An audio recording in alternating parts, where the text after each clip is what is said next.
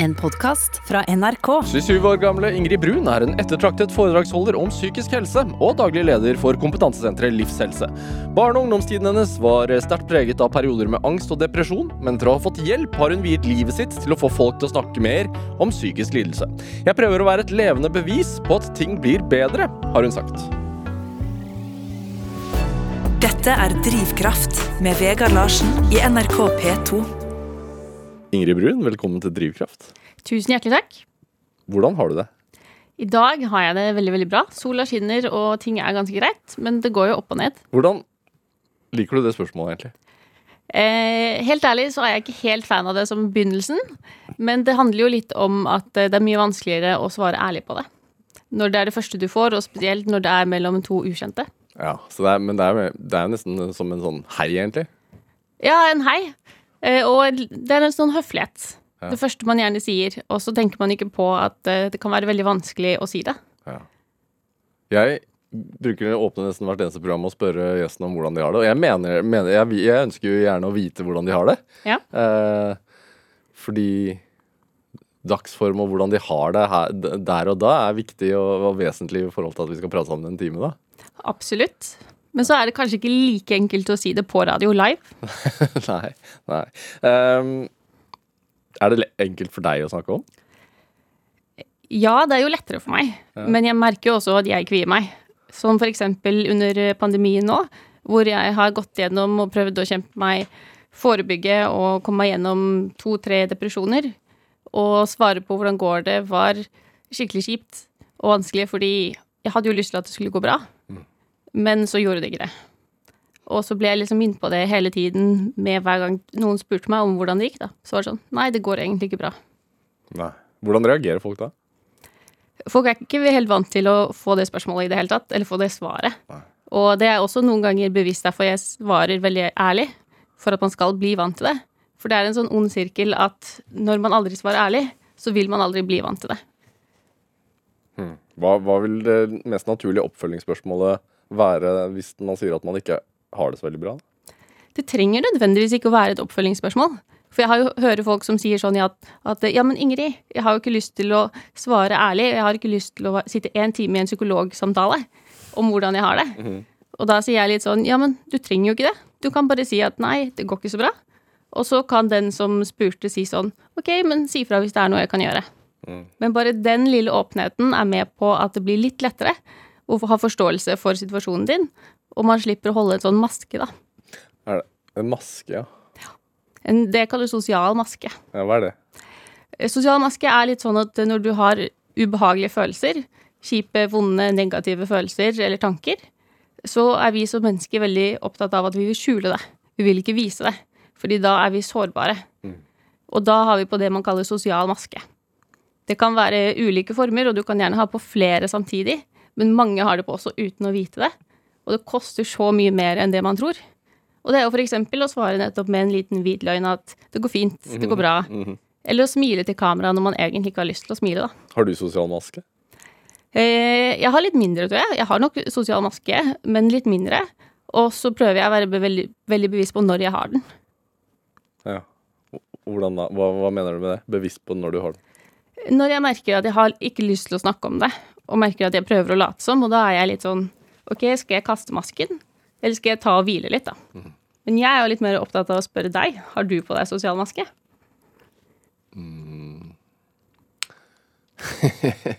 Eh, sikkert nå og da. Nå og da. Mm. Ja, jeg tror det er veldig naturlig. Eh, men eh, jeg er stort sett glad, jeg. Ja, så jeg, er heldig. Ja, veldig, veldig fint. Ja. Født med mye endorfiner, si. Um, men, men, men, men altså, du, du er foredragsholder om psykisk helse. Du er daglig leder for eh, Kompetansesenteret Livshelse. Uh, som jeg sa innledningsvis her, så har du sagt at du um, ønsker å være et levende bevis på at ting kan bli bedre. Absolutt. Hvordan er det da for deg, som du sa her nå, at det har vært en pandemi, og så har du fått et, hva skal man si, et, tilbakefall, kan man kalle det det? Eller? Ja, eller mange tenker jo at det er et tilbakefall, men det er jo egentlig helt menneskelig. At vi har oppturer og nedturer. Eh, og også for meg. Men jeg kjente jo på litt sånn ekstra skam og tabu på det. fordi jeg har snakket om psykisk helse og gitt så mange tips til folk på scenen i så veldig mange år. Og aldri før har jeg på en måte måttet leve opp til det jeg sier, da. Og følge mine egne råd. Jeg er veldig glad i å gi råd, men om jeg følger de selv, er en litt annen sak. Så det var veldig, veldig tøft, men det er jo også de samme rådene som har hjulpet meg. Nettopp å svare på eh, hvordan går det. Og til slutt så ble det en greie mellom meg og samboeren min hvor jeg bare sa meh. Jeg orket ikke å si noe mer, men bare sånn meh. Det går ikke så veldig bra. Men det var fortsatt nok til at jeg kunne slippe den masken. Og også han kunne ha nok forståelse da, til at det ikke ødela meg, ødela forholdet vårt, og at jeg til slutt kom meg ut av det. Mm. Hva slags råd er det du pleier å gi folk, da?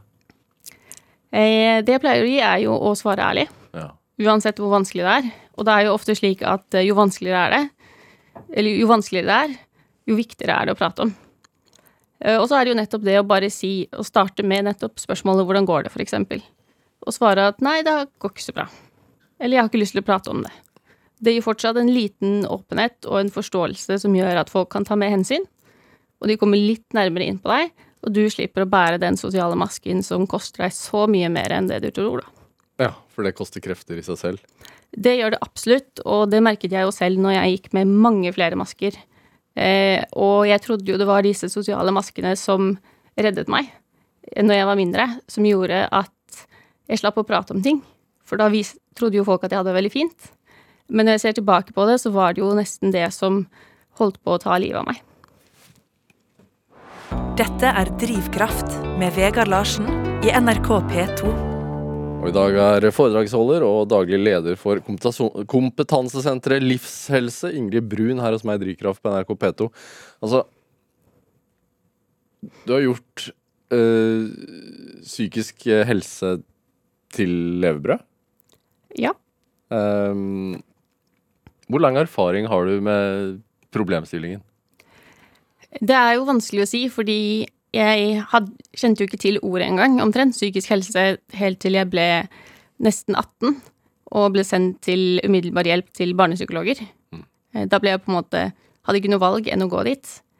Men da var det jo første gangen jeg fikk vite hva det var, og skjønte jo at jeg hadde hatt det hele livet, men hadde også hatt psykisk uhelse ganske lenge, da.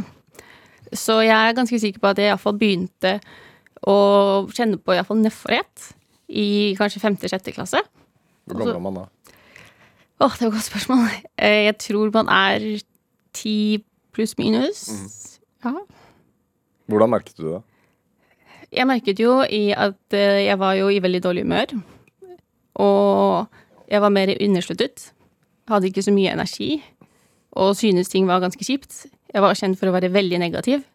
Lærerne gadd ikke til slutt å spørre meg hvordan jeg hadde det, eller hva jeg synes om ting, fordi de visste de bare ville få en negativ respons. Hvordan da? Hvordan kunne den være? Den var bare veldig pessimistisk og kjip, og eh, folk skjønte jo ikke helt at det var en nedforhet, da. Noe som holdt på å utvikle seg til depresjon.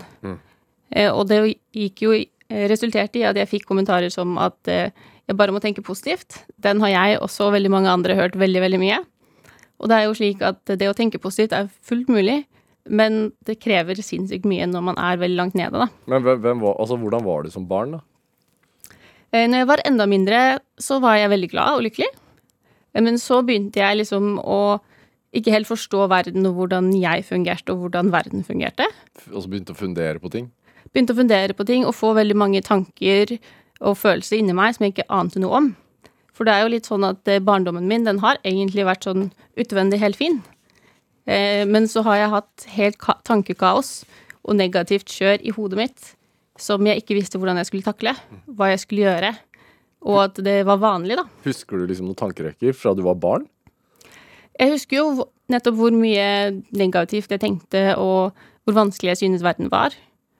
Og ikke minst Kaotisk, liksom? Eller altså Ja, altså veldig mange tanker hele tiden.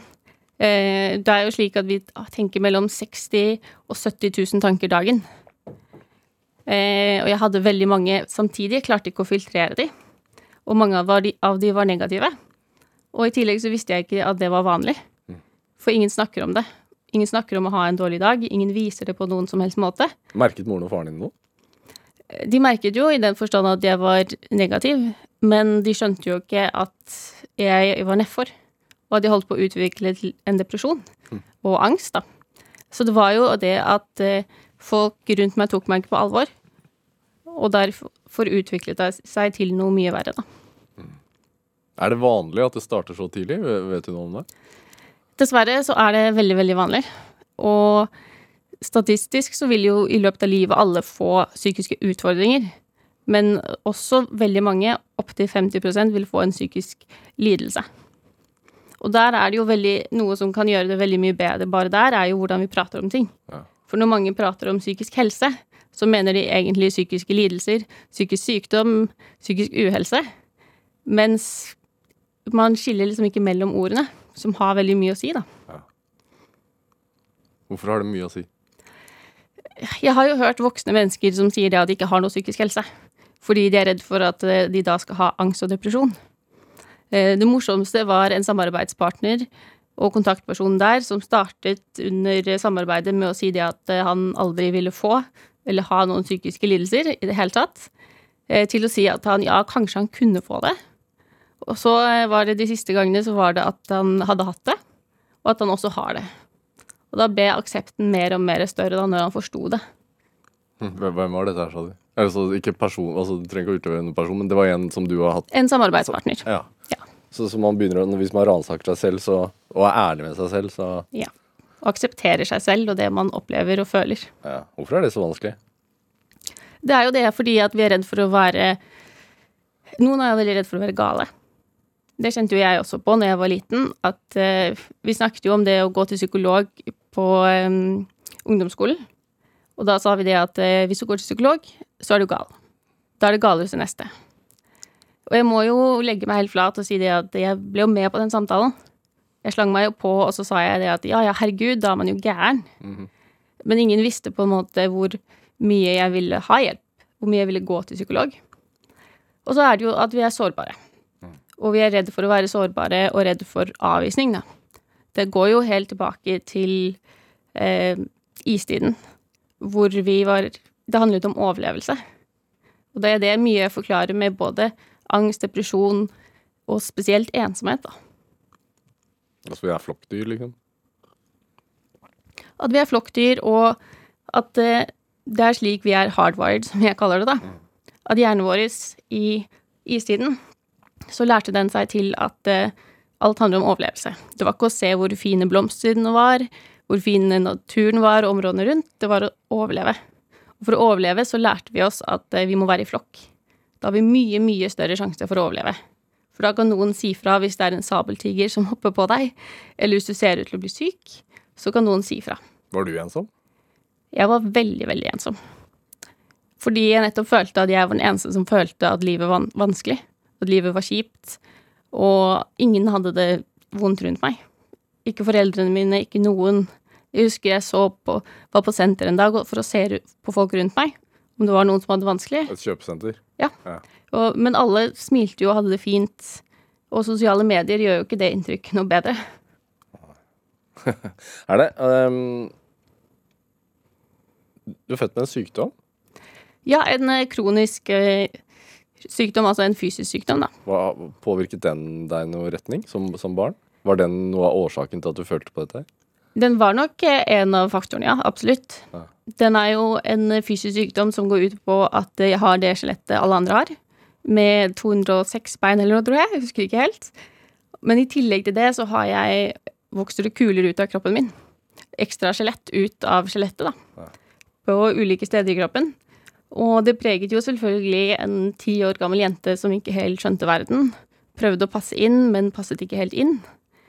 Eh, og jeg ble jo også Selvbildet ble jo enda mer skjørt. For det er jo gjerne der og litt eldre hvor man skal kommer i puberteten, og ting handler litt mer om utseendet. Og da hadde jeg både utvekster, men også arr etter hvert, da. For jeg måtte jo operere noen av disse kulene. Og det er jo ikke det som de fleste jenter har lyst på. Nei. Var Eller gutter. og kryk, var det krykker òg? Det var krykker også, og noen ganger så var jeg glad i det.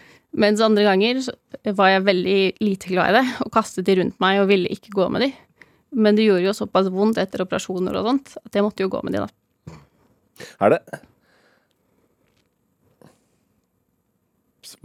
ble, du- altså, Ble du erta og mobba, eller var det bare en følelse av ensomhet? Jeg ble erta og mobba, og jeg ble jo utestengt.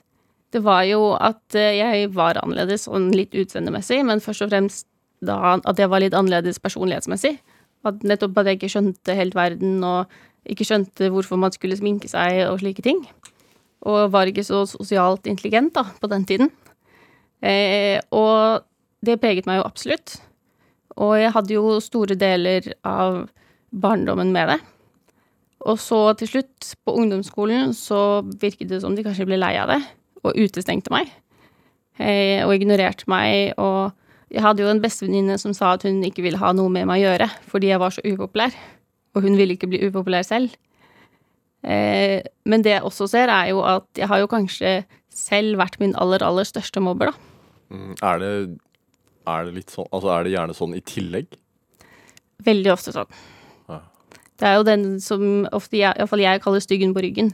Den indre kritikeren som forteller deg hvor dritt du er når du ikke får til noe.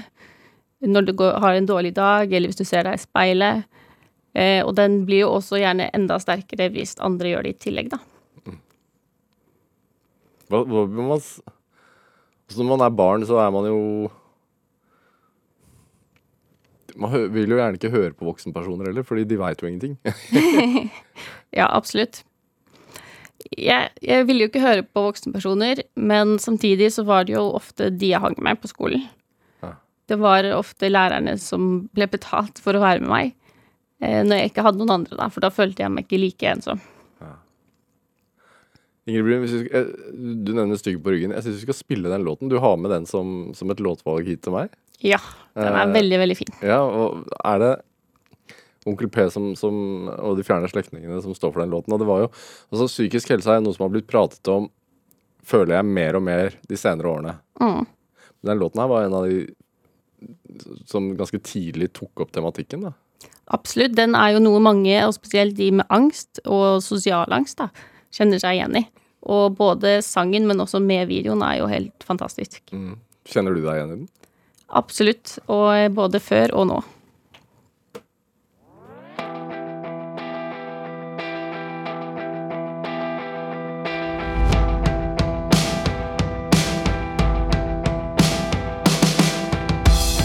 Den skal ikke se meg når jeg er nedfor.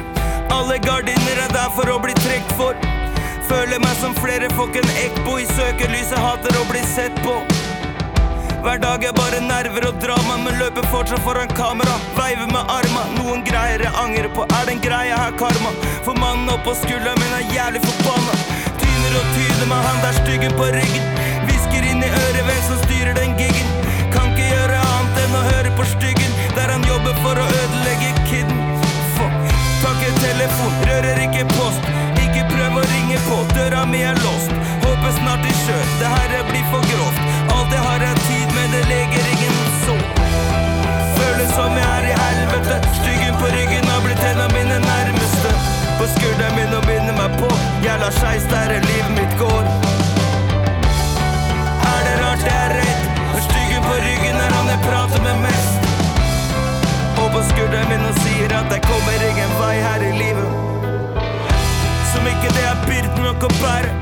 Og på ryggen er en spydig liten jævel. Forteller meg jeg er langt ifra den fyren jeg skal være. Burde titte ned i løpet på geværet. Noen leksjoner i livet jeg burde lære. Som meg og andre folk kan ikke dele atmosfære. Styggen på ryggen, han har noe fælere i gjerdet. Du er anbefalt å ikke være nære. Angsten er som alle fucking ekte. Jeg kan å få på alle drogene og drikke. Alle fucking anklager, alt jeg kan å nekte. Styggen på ryggen og sørger for at jeg blir brekt ned. Mareritta mine er så ekte og så ekle.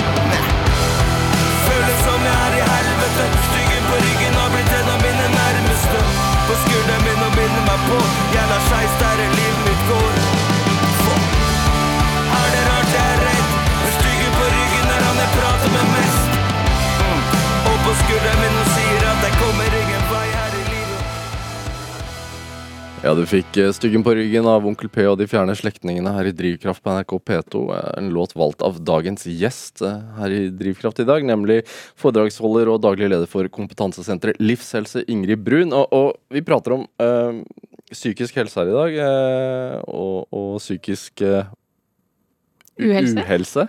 Ja. Jeg tenker, det, er, det er greit da å, å, å oppsummere at hvis man går med liksom vanskelige og vonde tanker, så, så kan man ringe Mental Helses hjelpetelefon på 116 123. eh, Absolutt. Veldig, veldig viktig. som er åpent hele døgnet, året rundt. eh, og det er også taushetsplikt. Eh, når vi hørte låten her nå, så sa de sånn Husker du hvordan videoen til låten slutter? Ja, jeg syns det er veldig fint eh, musikkvideoen også, fordi det viser jo litt mer eh, visuelt hvordan det er. Og på slutten så er det jo eh, da eh, Onkel P og Atle Antonsen som representerer Styggen på ryggen, som eh, jeg tror det var deler en øl og sitter på gresset og koser seg. Og det er veldig fin symbolikk til nettopp det at mange blir jo ikke kvitt angsten eller styggen på ryggen, men de må leve med den. Men hvis man blir venner og aksepterer den, så blir det litt grann lettere, da. Ja, at man skjønner at den er der. Kan Ja. være der. Absolutt, og kanskje ikke prøver å fornekte den så mye, men akseptere den og gjøre det beste ut av det. Hvor Altså, du har jo hatt angst øh, og slitt med angst. Ja. Men, men, men øh, også ADHD. Du har fått en ADHD-diagnose i voksen alder. Yes. Tror du ting kunne vært annerledes hvis du hadde fått det som ung? ADHD-en eller angst, eller begge? ADHD-diagnosen? Ja, Absolutt. Det har jo gjort at ting har vært veldig, veldig mye mer krevende for meg.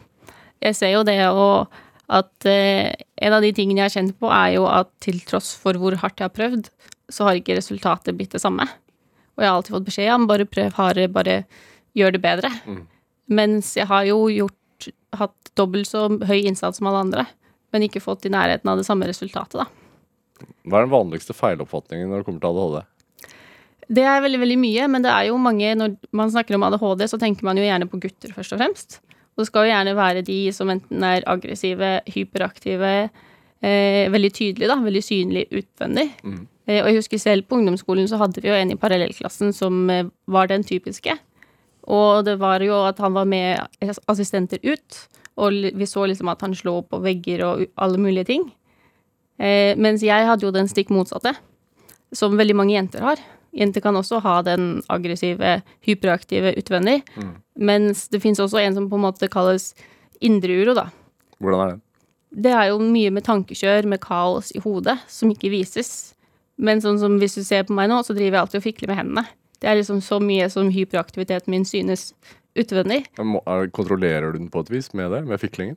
Det er noe jeg trenger for å liksom klare å fokusere. Så må jeg ha noe å fikle med.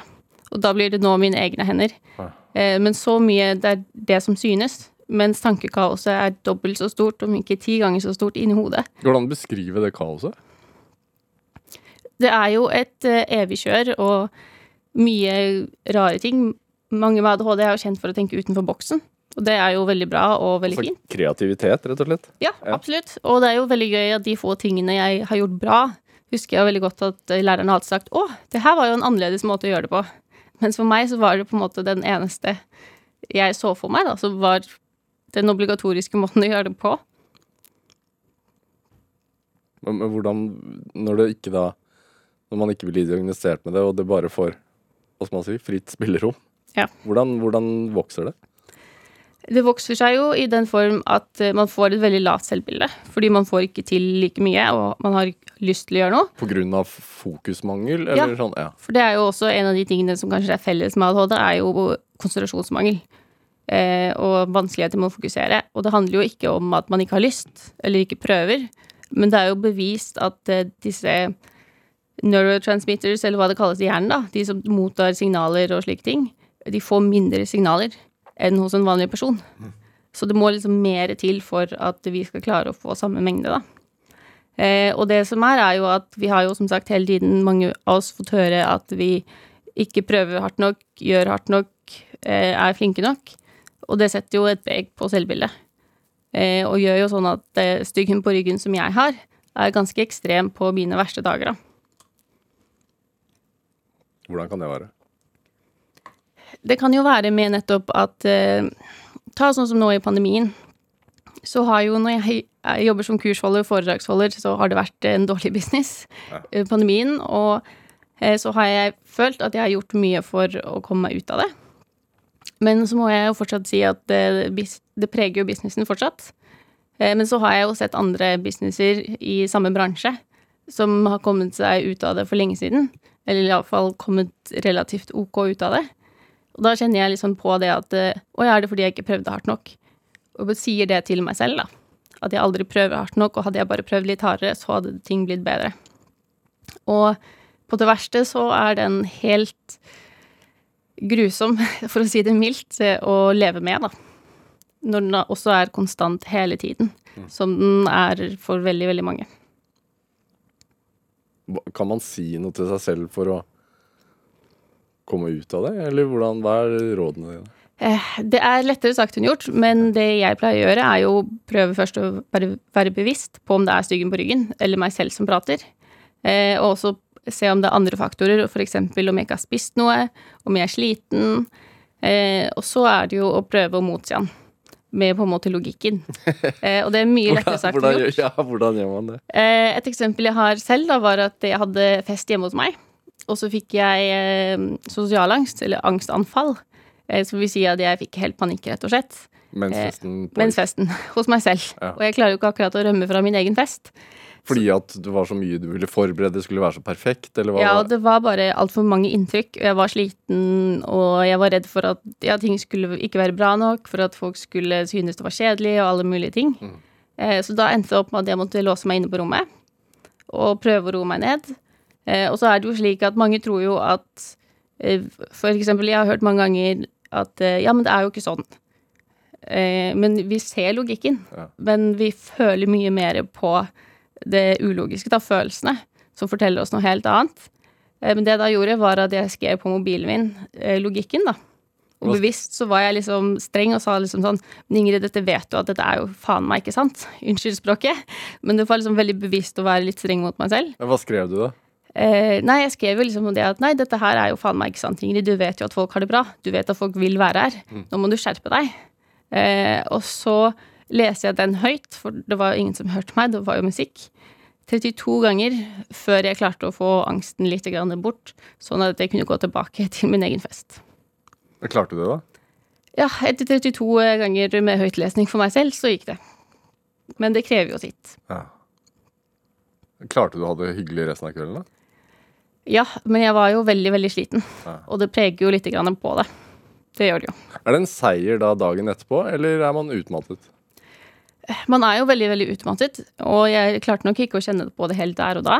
Men når jeg ser tilbake på det, så er det jo bare det å faktisk gjøre de tingene, eller bare være bevisst på det, er jo veldig stort. Fordi mange går jo og ignorerer det og prøver å undertrykke det så mye som mulig. Så bare det å være bevisst er jo første steget til å godta det og gjøre noe med det, da. Er det, er det noe, har det vært noen sammenheng mellom angst og ADHD for deg? Eh, nå vet jeg ikke med sikkerhet, men jeg er jo ganske sikker på det. Det har jo skapt nettopp mer angst og usikkerhet i meg selv. Og det er jo også forskning og undersøkelser viser jo at eh, de med ADHD har mye større sjanse for angst og depresjon. Eh, så det er jo Vet du hvorfor det er sånn? Det er jo med dette tankekjøret, da. Og gjerne styggen på ryggen som får vokse seg stort. Eh, Jeg pleier jo litt sånn å si det at eh, det er så viktig å prate om psykisk helse, fordi jo mer du holder det inne, jo tyngre blir det. Hvis du forestiller deg f.eks. En, eh, et glass eller en flaske, og hvis du holder den rett ut med armen, så er ikke det noe problem i det hele tatt. Men hvis de da skal holde den eh, i én time uten pause, så veier jo glasset eller flasken det samme, men det blir jo tyngre. Og hvis du holder den en uke uten pause, så vil du jo miste den. Og det er litt det samme med psykisk helse eller uhelse, da. At hvis du ikke tar tak i det tidlig nok, så kan det fortsatt vokse seg større. Så mye at du ikke klarer det. Når ble det tatt tak i for deg, da? Eh, For meg så ble det tatt tak i Ja, jeg var jo nesten 18 år. 17 og et halvt. Var på klassetur til Lillehammer. Og hele klassen hadde gledet seg sinnssykt mye til den. Jeg gruet meg skikkelig, for da var det så mye nytt, så mye utrygt. Og da skulle man være med i klassen en hel uke. Og jeg visste jo at ingen ville ha noe med meg å gjøre. Eller iallfall det jeg følte. Eh, Og siste dagen så skulle vi ha galla. Og det gikk eh, ikke så veldig bra. For eh, jeg hadde jo et så lavt selvbilde at jeg ikke klarte å ha på meg kjoler. For det var jo disse arrene og utvekstene av den fysiske sykdommen som gjorde at jeg synes at jeg var helt grusom. Eh, så da, når jeg prøvde å ta på meg kjole, så gikk det ikke. Eh, Kroppen sa bare nei, og fikk det som kalles eh, panikkangst. Panikkanfall. Som er at eh, For meg så føltes det iallfall som om hele kroppen sa bare at jeg må løpe for livet. Den sa ikke hva, den sa ikke hvorfor, men den bare 'nå må du løpe'. Og det var jo det jeg gjorde. Så da endte jeg jo eh, barbeint i snøen i en halvtime før jeg klarte å roe meg ned. Eh, og da skjønte jo lærerne at her var det noe som ikke var helt som det skulle. Eh, og så istedenfor galla så ble det barnevakt for meg. Eh, læreren min måtte være barnevakt for meg, mens alle andre var på galla. Og så dagen etterpå så ble jeg sendt eh, til eh, psykolog. Alle andre satt på skolebussen til skolen, mens jeg satt privatlæreren sin, eller bilen til privatlæreren til læreren og til psykologen. Var det første gang? Aller, aller første gang. Eller panikkanfallet, eller psykolog. Psykologen. Ja, psykolog. Det var første gang. Er det sånn Skulle du ønske at du hadde blitt sendt til psykolog tidligere? Absolutt. Og jeg hadde jo veldig lyst til det lenge før. Men så var det jo den både som vi snakket om eh, på ungdomsskolen, at man var gal. Og jeg ble jo nesten gal av å tenke at jeg var gal. Eh, og så var det jo nettopp det at eh, når jeg hadde kommet med problemene mine til folk, så fikk jeg jo bare beskjed om at jeg var klagete. Så jeg var jo livredd for at det også var det samme psykologen skulle si. Hva kunne du si da som, de, som, som fikk de til å respondere at du var klagete? Det husker jeg ikke, men det var jo nettopp bare det at jeg var så negativ hele tiden. Eh, og at det var liksom nedfor synes ikke Og synes ting var vanskelig. Og kanskje ting som andre ikke synes var vanskelig. Eh, Som for eksempel? ja, det er et godt spørsmål. Altså kunne det være små altså sånn Hva skal man Kan det liksom være tilsynelatende små ting? Ja. Ja. Det kan være tilsynelatende små ting. Eh, som eh, for eksempel, jeg har jo telefonangst også, eller hadde veldig telefonangst, hvor jeg ikke kunne tørre å svare hvis samboeren ringte en gang. Um, og det er jo noe som mange tenker, ja, men det er jo bare å ta telefonen. Men det er ikke alltid like lett, da. Eh, og det gjør det jo veldig, veldig vanskelig. Jeg husker jo at eh, når jeg satt i bilen til læreren min, så tenkte jeg at livet er over. Og det føltes mye verre ut enn døden for meg, da. Jeg hadde jo da fire selvmordsforsøk bak meg. Eh, og kjente at eh, dette her er verre enn døden. Og det var jo fordi jeg tenkte at eh, nå er jeg gal. Nå er det bekrefta. Og tenkte at nå ville ingen ha noe med meg å gjøre. Familien ville kanskje ikke innrømme at det er familien min engang. Jeg tenkte rett og slett at det hadde vært bedre å dø, da. Mhm. Helt til jeg kom til psykologene, da. Da ble det mye bedre. Fire selvmord. Hva, hva er det som leder opp til en altså, såpass destruktiv tankegang? Det er jo nettopp eh, mange, mange år med å undertrykke følelsene, ikke prate om de, ikke akseptere de, og ikke forstå verden, da. Men også nettopp det at eh, jeg trodde jeg var gal. Eh, siden jeg ville gå til psykolog, mens vi snakket om at man da er gal. Eh, og så følte jeg meg veldig, veldig alene. Alle virket tilsynelatende takle det livet de hadde fått, og hvorfor var jeg da den eneste som ikke klarte det? Så hvis jeg Jeg vet jo ikke, men hvis jeg hadde fått vite det før at det er altfor mange i Norge, i verden, som føler at livet er så vanskelig, da, så er jeg ganske sikker på at noen av selvmordsforsøkene mine kunne vært unngått.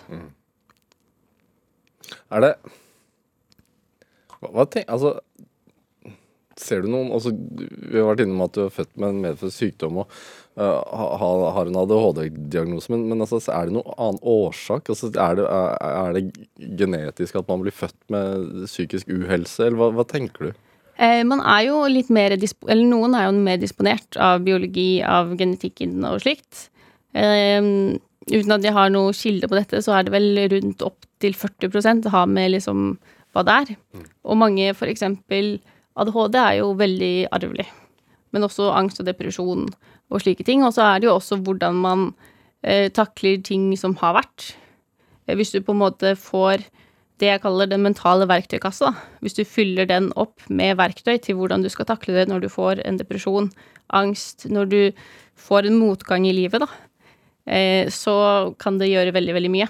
Er det unike verktøy, eller er det nei, det er ikke en unike verktøy. Det er vel egentlig veldig enkle verktøy. Som å f.eks. akseptere at man har en dårlig dag. Det er jo veldig mange, inkludert meg selv, som kan ha en dårlig dag, og så eh, blir man sure på seg selv for å ha en dårlig dag. Og spesielt hvis det ikke er av grunn. Eh, og jeg pleier å si da at eh, eh følelser er ikke sånn som matte. Minus og minus blir ikke pluss. Eh, det blir snarere dobbelt minus, eller hva man skal si. så det er jo det aller, aller viktigste. Og det fineste med disse verktøyene er jo at de kan deles. Mm. Sånn som åpenhet og slike ting. Da. Mm. Er det Ser du bare fra, fra du er 18 år til nå eh, Det er ni år siden, da. Ja. Det, har det skjedd en forandring i forhold til fokus på dette? Ja, det har skjedd en forandring, og det blir stadig bedre. Men jeg er også veldig veldig opptatt av at vi har en lang vei å gå. Ja. Eh, og det er jo nettopp med det spørsmålet som du startet med. Hvordan går det? Man svarer fortsatt ikke ærlig på det. Man svarer fortsatt 'ja, det går fint, det går bra'. Eh, og jeg selv kan noen ganger ta meg og svare på spørsmålet uten å tenke på spørsmålet. Det blir liksom så automatisk. Eh, så jeg savner på en måte den hverdagslige åpenheten. Det er veldig fint at eh, kjendiser og alle mennesker står ut i avisen og sånt, men det er jo i de hverdagslige samtalene under middagsbordet åpenheten trengs, da. At man klarer både foreldre og barn og andre være åpne, da. Dette er Drivkraft med Vegard Larsen i NRK P2. Og i dag er foredragsholder og daglig leder for kompetansesenteret Livshelse, Ingrid Brun, her hos meg i Drivkraft på NRK P2. Hvor viktig er det når man eh, har eh, strir med og har stritt med det du har gjort, hvor viktig er det at man føler seg som en ressurs? Det er eh, veldig, veldig viktig, og det er jo viktig for alle. Vi er jo mennesker som har behov for å bli sett og hørt, og være en del av flokken. Og bidra i flokken, da. Ja. Og det, det er det også en vei for å bli hva skal man si, eh, frisk i gåseøynene? Eh, ja, veldig fint at du sier det i gåseøyne, for det er ikke alltid man kan bli frisk. Men eh, man har jo mye større sjanse for å bli frisk hvis man tar tak i ting tidlig. Det er jo sånn at jeg må jo sannsynligvis leve med eh, angst og depresjon, iallfall som kommer litt jevnlig innimellom. Fordi jeg tok tak i det ti år for sent. Mm. Og det veit du? Ja, ganske sikkert, da. Ja. Men hvis jeg hadde tatt tak i tingene før det ble en depresjon, før nedforheten ble en depresjon, og før engsteligheten ble angst, så kunne jeg kanskje unngått det. Mm. Men eh, det er derfor man må ta tak i ting tidligere, da. Er det, uh, som, som, jeg sier, du er daglig leder for Kompetansesenteret Livshelse, og det, det er jo uh, uh, noe du er medeier i også? Eh, ja, så vidt. Så vidt. Eh, og, og, ble en del av etter at du først var en ekstern som foredragsholder. Ja. Hvordan, altså Når du beskriver skolegangen din for meg, mm. eh, så får jeg liksom inntrykk av OK, dette her det her går, går, ikke, det går, ikke går ikke riktig vei. Det går ikke så bra. Hvordan snudde det? Eh, veldig godt spørsmål. Og livet mitt generelt snudde jo når jeg kom til psykologene det jeg trodde skulle bli verdens undergang, ble jo eh, første kapitlet til et bedre liv. Eh, og det var jo ikke noe vanskeligere enn å si at eh, de forstår meg og hører på meg. Mm. Og eh, istedenfor at jeg da trengte å fornekte mine egne følelser og få høre at det var feil, at eh, det var grunn til å ha det, da. Og så lærte de meg jo sakte sikkert å snu den negative tankegangen til noe positivt. Um, Og så er det jo også nettopp det med at eh, jeg så hvor mye psykisk helse handler om. Hvor mye det handler om, og hvor viktig det er i hverdagen. da, At alle har det. Og det var jo veldig gjerne noe jeg hadde lyst til å gjøre. Eh, og fortelle alle hvor viktig det var. Hvor, hvor, når, når Altså, den kraften, hvor kom den fra, da? Det kommer jo fra fire selvmordsforsøk fra å ha hatt det så vanskelig. Og jeg er ganske sikker på at hvis en person hadde kommet til meg når jeg var tolv år og sagt det samme historien og fortalt at uh, man er ikke alene, og det er helt greit å ha det vanlig, det er helt menneskelig å ha det vanlig når jeg har det vanskelig, Mm. og slike ting, så ville jeg kanskje kastet masken tidligere. At man Og- så deg, liksom? Jeg så meg og fortalte meg både indirekte og direkte at uh, det er vanlig, dessverre, da.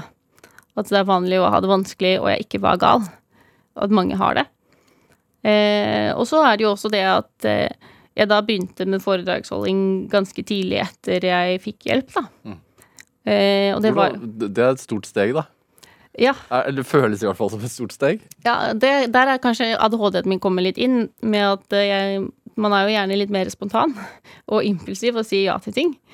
Eh, så det var jo bare noe jeg sa ja til med en gang. Du, kom det for, en forespørsel, da? Eller hva? Ja, jeg var på en sommerleir og hvor det, det opplegget da ble introdusert. Og eh, da var jeg sånn Ja, men det hørtes kult ut, for det er jo det jeg gjerne skulle hatt når jeg var eh, ung, da. Eh, og så var jo, ironisk nok, som med sosialangst, så var jo foredrag og lage presentasjoner og sånn noe jeg likte, og noe jeg var flink til. Eh, så det var jo også en bonus, det, da.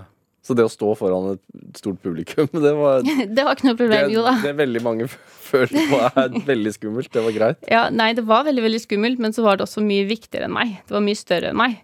Så jeg kunne liksom be styggen på ryggen holde kjeft, fordi dette her var mye viktigere enn meg selv, da.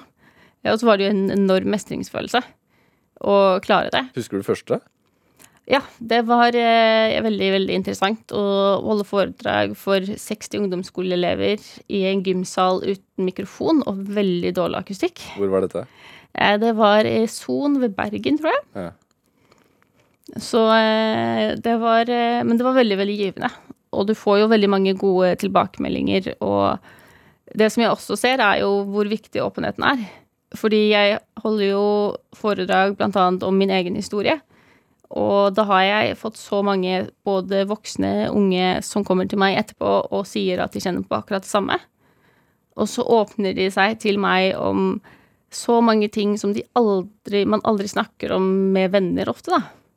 Eh, og da tenker jeg jo litt sånn at eh, når jeg er åpen som en helt fremmed, og de klarer da etterpå å være åpen med meg, hvor stor effekt ville det hatt hvis foreldre, hvis nær relasjon, da, også hadde vært åpen? Da kunne man hatt den hverdagslige åpenheten som jeg snakker om, da. Men er det sånn at det kanskje kan være enklere å være åpen mot en fremmed? Altså Du sier jo at psykologen du traff som 18-åring, ble den du liksom åpnet deg først for ordentlig, da? Ja. Eh, Der er det jo veldig, veldig forskjellig. Noen kan synes det er eh, mye deiligere, mens andre kan trenge å snakke med noen andre. Og noen liker jo ikke å snakke, noen liker å chatte og slike ting, da. Så det er veldig, veldig individuelt. Ja. Men for deg, da? Var, det enklere å snakke med en som var tilsynelatende fremmed, enn en nær? Ja, for det var jo litt sånn at jeg følte at alle som kjente meg, hadde dømt meg på en måte, og stemplet meg som mange ulike ting. Og tenkte at jeg var negativ og kjip. Så det hjalp jo absolutt. Hva er i dag, da? Eh, hvordan jeg tror de ser på meg? Nei, hvordan er, er det enkelt for deg å snakke om vanskelige ting med nære i dag? Nei, absolutt ikke. Det er fortsatt kjempevanskelig, men det er så viktig. Ja. Og eh, det er jo bare den lille åpenheten som hjelper, da. Og som har reddet meg. Eh, Ingrid Brun, vi skal spille en låt til. Du har med en, en låt som heter Human. Ja. Eh, hva handler den om? Den handler om eh, å være menneskelig. Og den er en veldig fin eh, sang for meg ofte når jeg kan nettopp kjenne på at styggen på ryggen kommer og sier at eh, jeg er elendig, ikke får til noe. Når eh, i en depresjon eller bare en dårlig dag, så er det rett og slett det at det å ha en dårlig dag er menneskelig. Ja. Og da er det veldig fint den som synger eh, I'm only human. Er det litt enkelt å glemme? Det er veldig enkelt å glemme, og så er det jo ikke mange som vet det. At eh, psykisk helse og uhelse er helt menneskelig.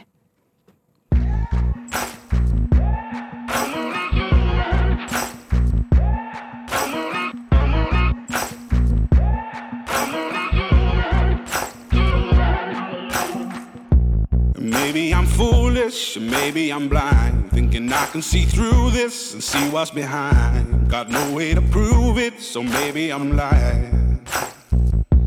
But I'm only human after all. I'm only human after all. Don't put your blame on me. Don't put your blame on me. Take a look in the mirror. and What do you see? See it clearer or are you deceived in what you believe? Cause I'm only human after all. And you're only human after all. Don't put the blame on me. Don't put your blame on me.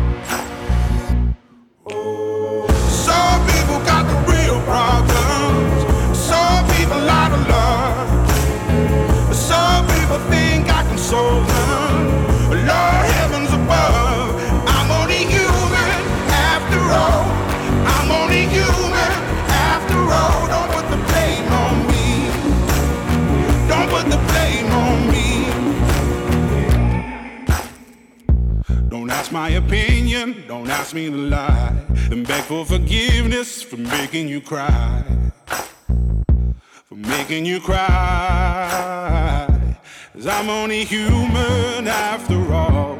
I'm only human after all. Don't put your blame on me. Don't put the blame on me. Oh, some people got the real problems.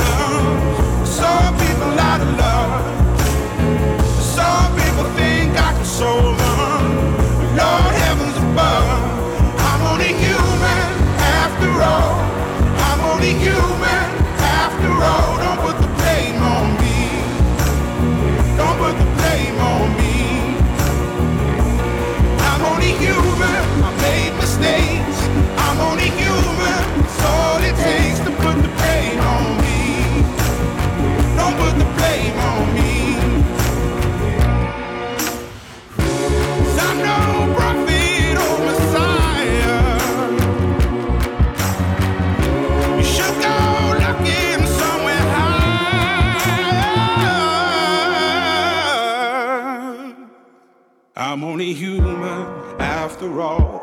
I'm only human after all.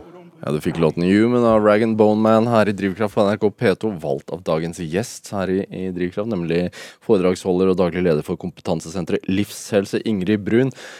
Vi snakker om psykisk helse og uhelse her i dag. Ehm, Hvor, hvor vanlig er det at man får en sånn beskjed sånn der, ja, men herregud, er det så vanskelig da, eller kan du ikke bare prøve litt hardere, eller Eller tenk positivt. Eller tenk positivt. ja. Eh, dessverre så er det altfor vanlig. Og det er jo veldig mange årsaker til det, men det er jo mange som på en måte ikke anerkjenner hvor eh, vanlig nettopp psykisk uhelse er, da. Og jeg har jo fått de beskjedene veldig mange ganger.